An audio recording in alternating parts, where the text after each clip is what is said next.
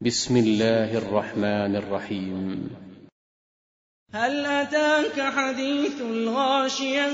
وجوه يومئذ خاشعة عاملة ناصبة تصلى نارا حامية تسقى من عين آنية.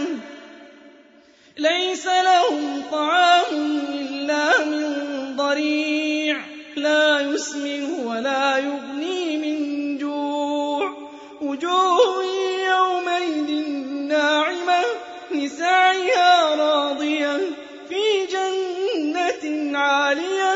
لا تسمع فيها لاغية فيها عين جارية فيها سرر مرفوعة وأكواب موضوعة ونمارق مصفوفة وزرابي مبثوثة. أفلا ينظرون إلى الإبل كيف خلقت وإلى السماء كيف رفعت؟